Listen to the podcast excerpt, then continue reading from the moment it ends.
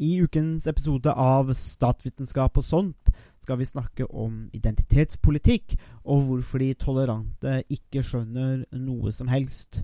Ukens gjest er Frank Rossevik. Han er politisk kommentator i Aftenposten.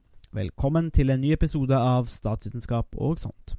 How dare you? Mr. Gorbachev, tear down this wall. I did not have sexual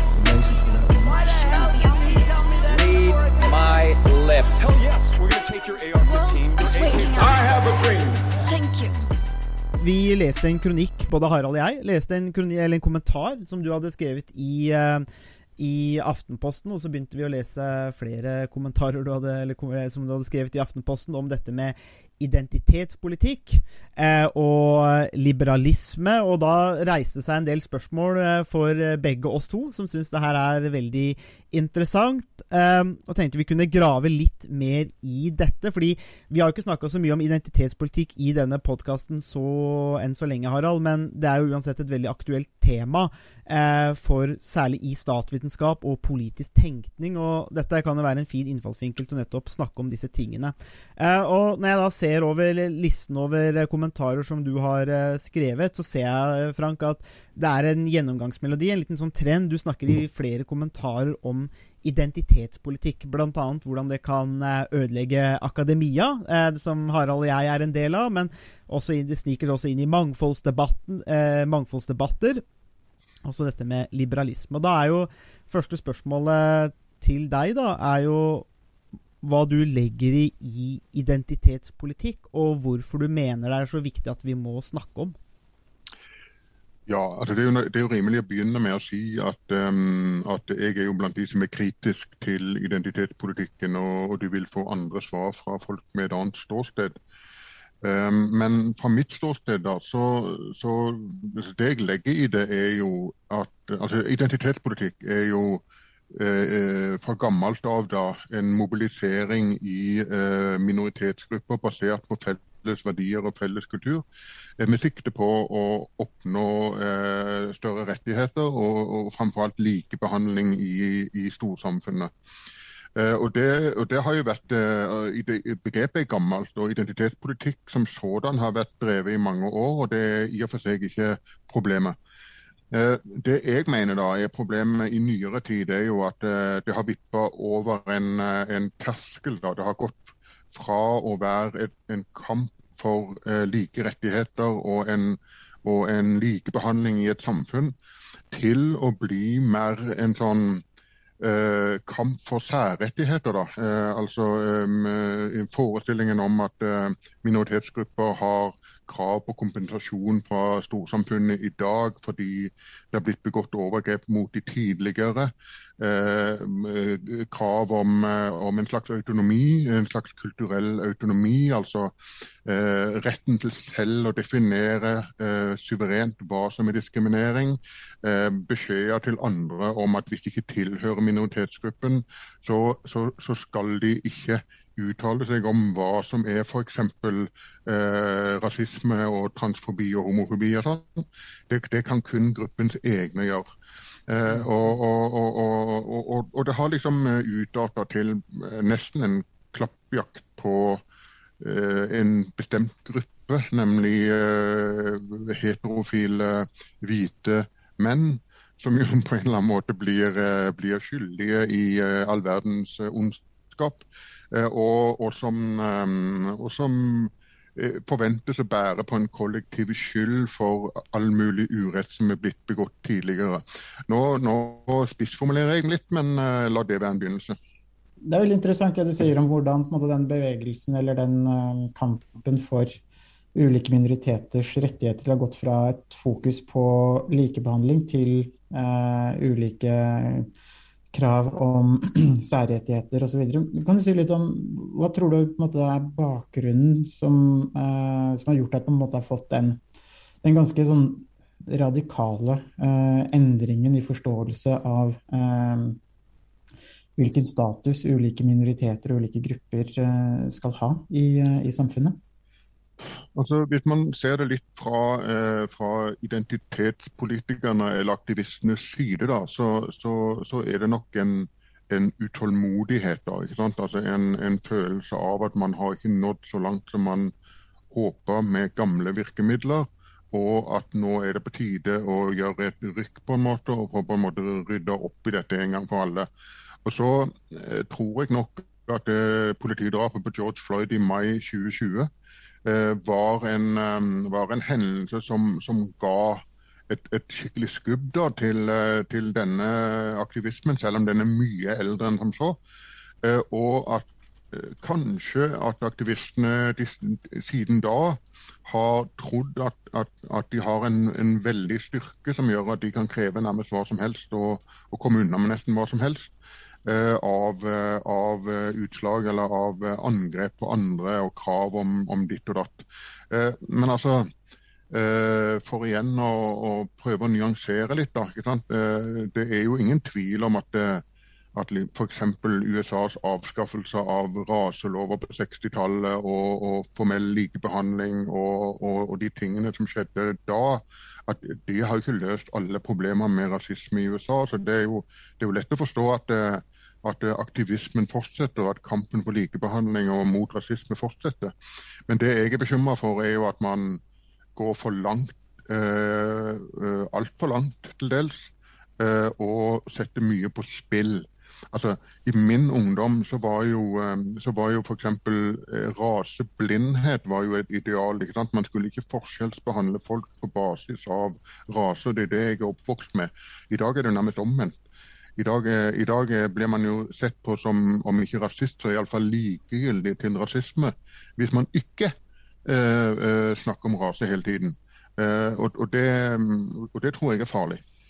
Mm. Men er den utålmodigheten da på en måte en slags eh, politisk strategi for å nå målene om en slags uh, aner anerkjennelse i, uh, for, for, de ulike gruppene som bruker den type litt hva skal jeg si, kanskje litt mer offensive, aggressive strategier? Ja, altså jeg vet jo ikke. altså det er jo ingen, Jeg tror ikke det er noen sånn eh, operasjonssentral som uh, på en måte snekrer en strategi og, og, sier at vi gjør sånn og sånn for å oppnå sånn og sånn. Jeg, jeg, jeg, jeg tror det er en, en, bevegelse og en trend som har vokst fram. Delvis på aktivistnivå og delvis på akademisk nivå. Um, det er jo teorier som ligger til grunn for dette. Kritisk sosial teori, uh, uh, liksom hvithetsteori, uh, skeiv teori. Så det er jo på mange måter også et akademisk fenomen. Og, og, Jeg vet ikke hvor, hvor, hvor, taktisk eller strategisk det er, men jeg mener at det foregår en del på dette feltet nå som, som, som er veldig farlig. Um, ikke bare for ytringsfriheten, men også for, uh, for uh, rasismen. Altså, hvis man over tid hamrer inn på, gjennom alle kanaler at hvite egentlig er rasister, er, eller i alle fall likegyldig til rasisme, så kan det jo være at man etter hvert kommer til det punktet at hvite begynner å bli likegyldige til rasisme. Og kanskje til og med flere blir rasister fordi de blir dritlei. Og, og, og, det er kjempefarlig, fordi at blant hvite, eh, er, er, det, er, det, svært utbredt å være antirasistisk. Eh, og, og, og, for mange av oss, inkludert meg, har det alltid vært viktig å være antirasistisk. Eh, og Det er jo derfor også en del av dette blir så provoserende. Mm. Ja, altså jeg har jo opplevd, opplevd sjøl da jeg tok eh, doktorgraden min i New Zealand, så møtte jeg jo mennesker fra mange andre, andre land. Og da ha, opplevde jeg også å ha bl.a. akademiske diskusjoner hvor jeg fikk beskjed om at jeg var jo en hvit vestlig mann, så jeg kunne ikke forstå eh, problemene det var snakk om. Og det var veldig rart å oppleve eh, i en diskusjon hvor man forventer noe, på en måte noe annet. Det, så det kan jo ha en del sånne uheldige konsekvenser der, tenker jeg. Men du nevnte dette med disse landene, altså det, det med, med, med, George Floyd f.eks. Eh, og så er det noen som vil si at ulike sammenhenger, ulike kontekster, eh, de er viktig å få med. Tenker du at eh, f.eks. når det kommer til Norge eller kanskje Europa, at vi låner nærmest litt for mye av hva skal vi si, kampen som foregår i USA, da, der de har sin spesifikke historie med slaveri og rasisme. Eh, ser du på noen måte at dette måte blør inn til f.eks. Norge da, og blir en del av identitetspolitikken her, selv om det, eller identitetsdiskusjonen, selv om det på en måte er to forskjellige historier?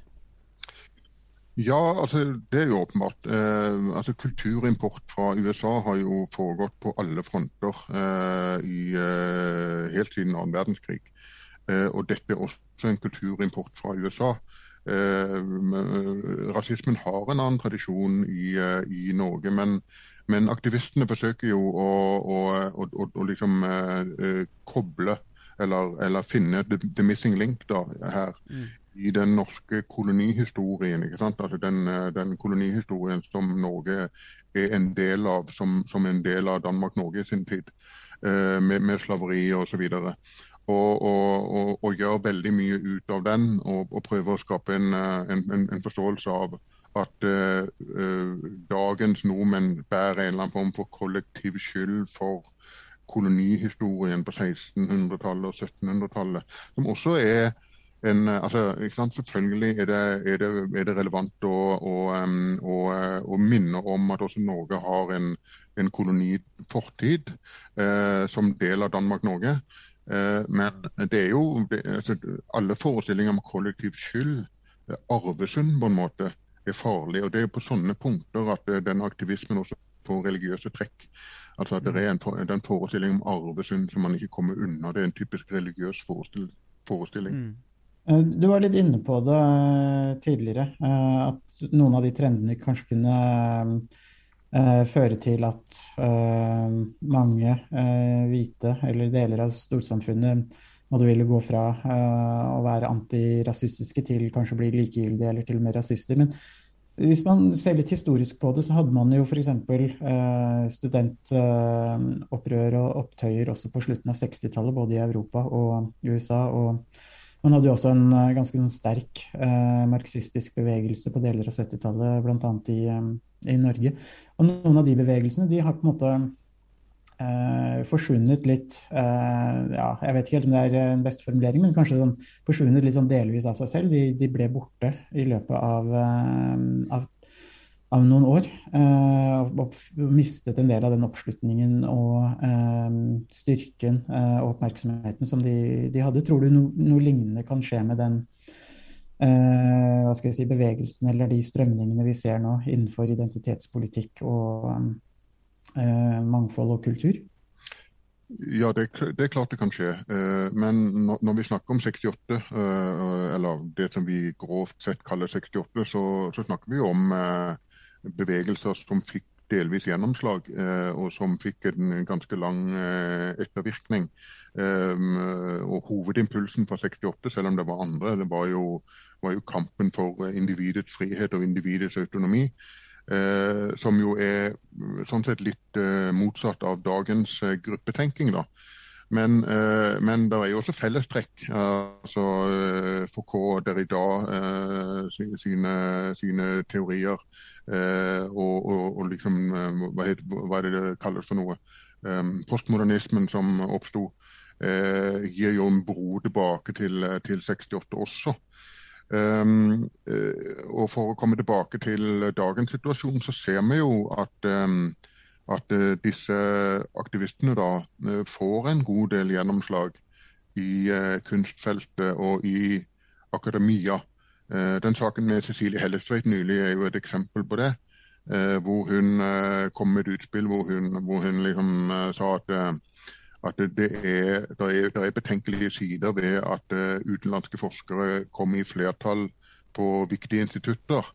Og at det har liksom konsekvenser på norsk som forskningsspråk og, og liksom eh, behovet for å forankre eh, eh, kunnskapsutvikling i Norge på forskjellige måter. Og hun ble jo overkjørt av en del av disse folkene som mente at det var nærmest hatprat, og at hun, og, og, og hun burde slutte å undervise osv. Det, er det er jo helt latterlig. Eh, og heldigvis har hun klart å stå i den stormen, eh, som er et godt tegn.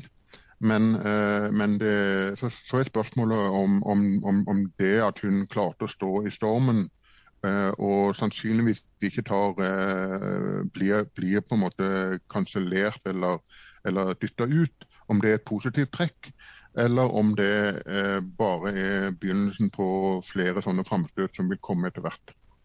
Mm. Du, du, du skriver jo en del om de, altså, disse tingene sjøl, altså dette med identitetspolitikk og en del sånne betente områder. Hvordan er livet som en politisk kommentator? Får du, får du mye pepper for, eh, for, disse holdningene eller kommentarene der fra folk som er eh, Ja, du er jo en, en, en hvit mann nå, og godt plassert i media, og med litt, eh, litt definisjonsmakt, kanskje, så da, vel, da ligger du Vil jeg tro kanskje litt laglig an til hogg der? Jeg får mye kjeft uh, i alle kanaler, men det er klart at jeg er også i den privilegerte situasjonen at jeg uh, har en fast jobb uh, som jeg ikke kan Eller det er iallfall veldig vanskelig for de å dytte meg ut av den faste jobben. og jeg har godt betalt for å mene. og jeg har ingen barn som kan mobbes på skolen, eller jeg er ikke noe særlig utsatt på noen andre måter heller.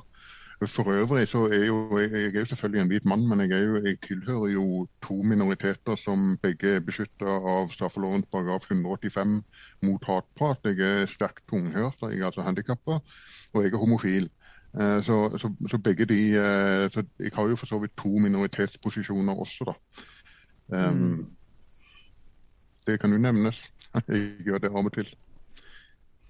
Ja, det, det er veldig det er interessant å bringe det, for det viser jo også kanskje hvor måte, hvor, hvor, vanskelig Eller ja, det er, Dette er, tenker jeg ofte er en debatt som lett brytes ned i veldig simplistiske termer. altså Det er jo nyansene eh, forsvinner. Jeg tenker jo at Det du er inne på her, er jo, er jo nettopp dette snakk om, om, nyanser. og Det tar meg egentlig til den eh, kronikken som starta på en måte tanken å spørre om du kunne være gjest her. Eh, en, sånn, en kronikk du skrev i, eh, i, eller en kommentar i Aftenposten eh, 7.12. Altså 'De tolerante skjønner ingenting'. Eh, og det er en ganske, ganske solid eh, påstand. Eh, du kan jo kanskje forklare for, eh, for lytterne våre hva, du, hva, hva, som, hva de tolerante og de liberale ikke, ikke forstår? Ja, Utgangspunktet her var jo at jeg eh, leste en uh, bok av en svensk uh, statsviter som heter Heine. Nå, nå, har jeg glemt resten av navnet, men uh, etternavnet var i alle fall Heine. Andreas. Ja, nettopp. Um, og, og, Som jeg leste, uh, og som jeg syntes var interessant. og Han drev litt sånn liberal selvpisking. han er liberaler sjøl, og, og, jeg følte at han traff ganske godt. fordi, fordi Altså, Liberale er jo i utgangspunktet enige om at det liberale demokratiet ligger til grunn. og Det liberale demokratiet er, er altså et, et, demokrati som er basert på ytringsfrihet og kunnskap og vern om minoriteter. Altså vern om minoriteter mot flertallstyranni. Eh, eh og så i tillegg eh, rettssikkerhet. Eh, og muligens et element til som jeg i farten ikke husker, men det er ikke så viktig.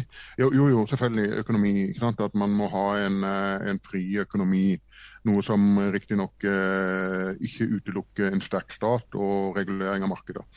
Økonomien er det jeg er minst eh, opptatt av personlig. men men så, men så, sier da at, at den, den, liberale grunnholdningen til konflikt er jo hele tiden tanken om at alle har legitime rettigheter. og Hvis man bare utviser toleranse og snakke sammen rundt et bord, så kan man komme til løsninger, i alle fall, eller i alle fall nærmere løsninger.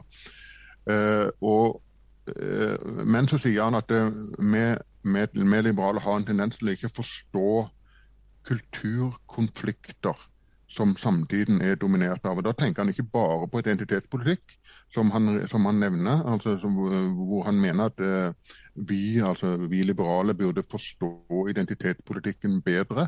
Men han nevner også mange andre ting. altså Religion, religionskraft forstår vi ikke godt. Men vi forstår ikke hvorfor folk uh, syns det er viktig å tro, og det bør vi uh, bli flinkere til å forstå. Vi forstår ikke hvorfor innvandring eh, skaper så stor motstand eh, blant folk, noe vi bør eh, klare å forstå bedre. Vi, forstår ikke nasjonalismen. Fordi liberalere er typisk ikke, ikke spesielt nasjonalistiske, er mer internasjonalistiske. Så eh, denne boken, da, som heter 'Antekninger fra kulturlivet', Um, som jeg anbefaler, uh, ga meg noen sånne aha-opplevelser. Så skrev jeg en kommentar om det. Mm. Men er, det, er liberale, har liberale blitt naive, eh, på en måte? Er det derfor liberale ikke forstår, eller er det mm, andre ting som har gjort at liberale mm, ikke henger med på og forstår samfunnet sånn som, mm, sånn som det er i dag? Ja, altså det er vanskelig å svare på. Jeg tror nok han har et poeng eh, i det at, at alle disse um, alle disse trendene da, som jeg eh, nevner, nevner disse kreftene uh, som, som, driver kulturkamp, de, de, har på en måte gjort det liberale til en slags fiende. I alle fall ytringsfriheten, ikke sant, som jo Uh, utsettes for ganske mange harde angrep, selv om den har ligget til grunn for utvikling av nesten alle andre friheter i, i verden gjennom historien. Uh, både fra ytre høyre og ytre venstre. Um, og, og, og, liberale har en, en, tendens til å undervurdere sånne, um, sånne angrep på sentrale verdier. Og en, en manglende evne til å på en måte forsvare verdiene. Uh, og, og, Sånn sett så går Heine inn i en gammel tradisjon ikke sant, uh, for liberal selvkritikk. fordi uh, vi er jo stort sett tolerante overfor folk som tenker annerledes enn oss. Men denne toleransen kan jo til et visst punkt, eller på et visst punkt gli over i aksept for intoleranse og undergraving av de verdiene som jeg synes er viktige. F.eks. hvis man undervurderer rasismen. Det er jo mulig at, sånn, at det er sånne som meg eh, ikke helt eh, forstår hvor stort problem rasismen er.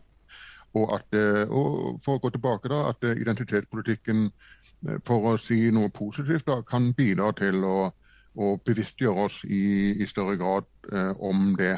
Så, så, alt dette Det er jo forskjellige sider av disse tingene. Men kunne man, man kunne på en måte også kanskje bare snu på det og si at Eh, det er ikke de liberale som ikke forstår, det er de, de andre gruppene. Det er jo et litt arrogant liberalt argument, kanskje. Men man kan jo si at de liberale er jo de samme.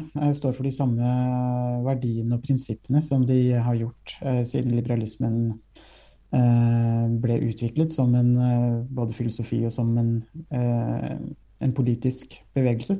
Man kunne si at det er de andre som ikke forstår. Hva, hva, tror du om et sånt litt aggressivt tilsvar fra de liberale? Jo da, vi er i ferd med å bli et lite ekkokammer vi tre her nå. Men, men altså Heine, Heine, kommer jo for så vidt mot slutten også forsiktig tilbake til en sånn konklusjon hvor han, hvor han fastholder at de liberale prinsippene er de beste for å organisere motsetninger i samfunnet. og og, og, og, å skape en, en, form for fellesskap, en form for uenighetsfellesskap. Og Han sier jo f.eks. om identitetspolitikken, som var, som var, et tema for oss nå, eller som er et tema for oss nå, at uh, på samme måte som, som, det er lett å sympatisere for uh, den uh, samtidens kamp mot rasisme, så, så, er det vanskelig å, å forstå identitetspolitikkens angrep på det liberale som jo eh, er et samfunnssystem som bedre enn noe annet samfunnssystem har bekjempet rasisme i, gjennom flere tiår.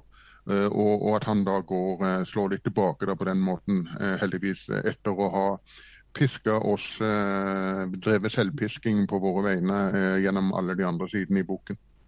Mm. Ja, det er veldig interessant dette med, med, med akkurat dette med hva er det liberalismen eventuelt klarer å favne og forstå, og dette med det, det, som vi ofte kaller de normative sidene. For det ser ut som at mange av disse gruppene altså som driver identitetspolitikk, hvis vi kan forenkle, gjøre det litt for enkelt her, så glemmer jo også de det litt sånn normative argumentet. Det er lett å, å peke på de slemme, eh, men så ser man ikke helt sitt eget totalitære prosjekt eh, noen ganger oppi, oppi, det hele. Det er en slags merkelig sånn paradoks da, eh, i det som oppstår der. Eh, men når vi da går litt videre For at den der selvpiskingen, da, som du sier, det er jo en slags eh, liberal fetisj og har vært i, i, i, i mange, mange, mange år. Eh, og, og så, er det, så er, er, det, en viktig ting du nevner likevel, da, og det er at eh, han Heine har jo da, som du skriver, grep om problemet, men sliter litt med løsningene. Eh, og Da er vi også inne på noe av kjernene her. altså hva, hva, i alle dager skal, skal man gjøre? Eller hva, hva, vil de som står for et liberalt syn, liberale verdier, altså hvordan skal man gripe an dette og komme seg videre? Nei, det er, et, eh, det, er jo, det er jo, der det er vanskelig. Um, men uh, hans anbefaling er jo, er jo veldig enkel. Uh, nemlig å, å, legge seg litt mer i selen for å forstå de kreftene som vi eh, på mange måter kanskje da eh, forsøker å skyve litt til side, og, og, og, og som vi undervurderer. Forstå Mm. bedre, forstå hvorfor religion er viktig for folk, forstå hvorfor innvandring eh, føles truende, forstå hvorfor, eh, hvorfor eh, folk som eh, opplever rasisme, selvfølgelig eh, mener at det er, en, eh, er et, et stort samfunnsproblem, og, ta det mer alvorlig. Eh, altså, altså, det, er jo, det, er jo, det er jo ingen som har sagt, eh, iallfall ingen seriøse mennesker som har sagt at, eh, at ytringsfriheten eh, omfatter eh, undergraving av andre menneskers verdighet, f.eks. gjennom rasisme. Sånn det, det er jo veldig få eh, liberalere som meg bekjent er imot at det skal være visse rammer for, eh, for hva man kan si om andre. Eh, Sånn har det jo vært i alle samfunn. Um, uh, så liksom, eh, det er, ikke noen, det er ikke noen grunnleggende motsetning. Men, uh, men uh, vi har vel kanskje en tendens til å trekke oss litt unna. fordi at, um, fordi at um, de offentlige debattene har jo i stor grad flyttet over til sosiale medier. Og sosiale medier er jo ekstremt dårlig egnet, viser det seg i praksis, til en, hva skal vi si, en liberal dialog om vanskelige spørsmål, hvor man, hvor man, eh, hvor man eh, diskuterer på basis av fakta og anerkjenner hverandres eh, synspunkter og, og utvikler noe som begynner å ligne eh, en, en, en felles holdning. Eh, Tvert imot så er jo, så, så er jo eh, de sosiale mediene skrudd sammen sånn at at det som premieres, er, er lettvinttheter, eh, krasse utfall og verdiposering. Altså det å markere at man er på den rette siden og har de rette verdiene, er, er på en måte det viktige i sosiale medier. Ikke å, ikke å eh, vise empati for folk som er uenige og forsøke å gå inn i saklige diskusjoner. Så det er, det er en del av det.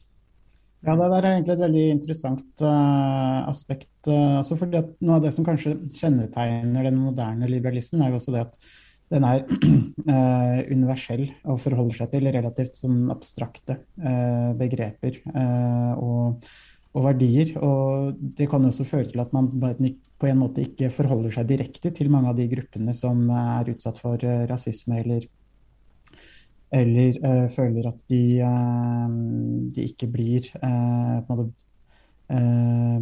likestilt i, i storsamfunnet. Og det kan kanskje også være et problem for det liberale synet også, at man kanskje egentlig ikke forholder seg så direkte til mange av de gruppene. Mens noe av det som kanskje var et større kjennetegn på den litt eh, den gamle eller litt tidlige liberalismen, var at den kanskje gikk mer direkte i dialog med ulike f.eks. religiøse grupper.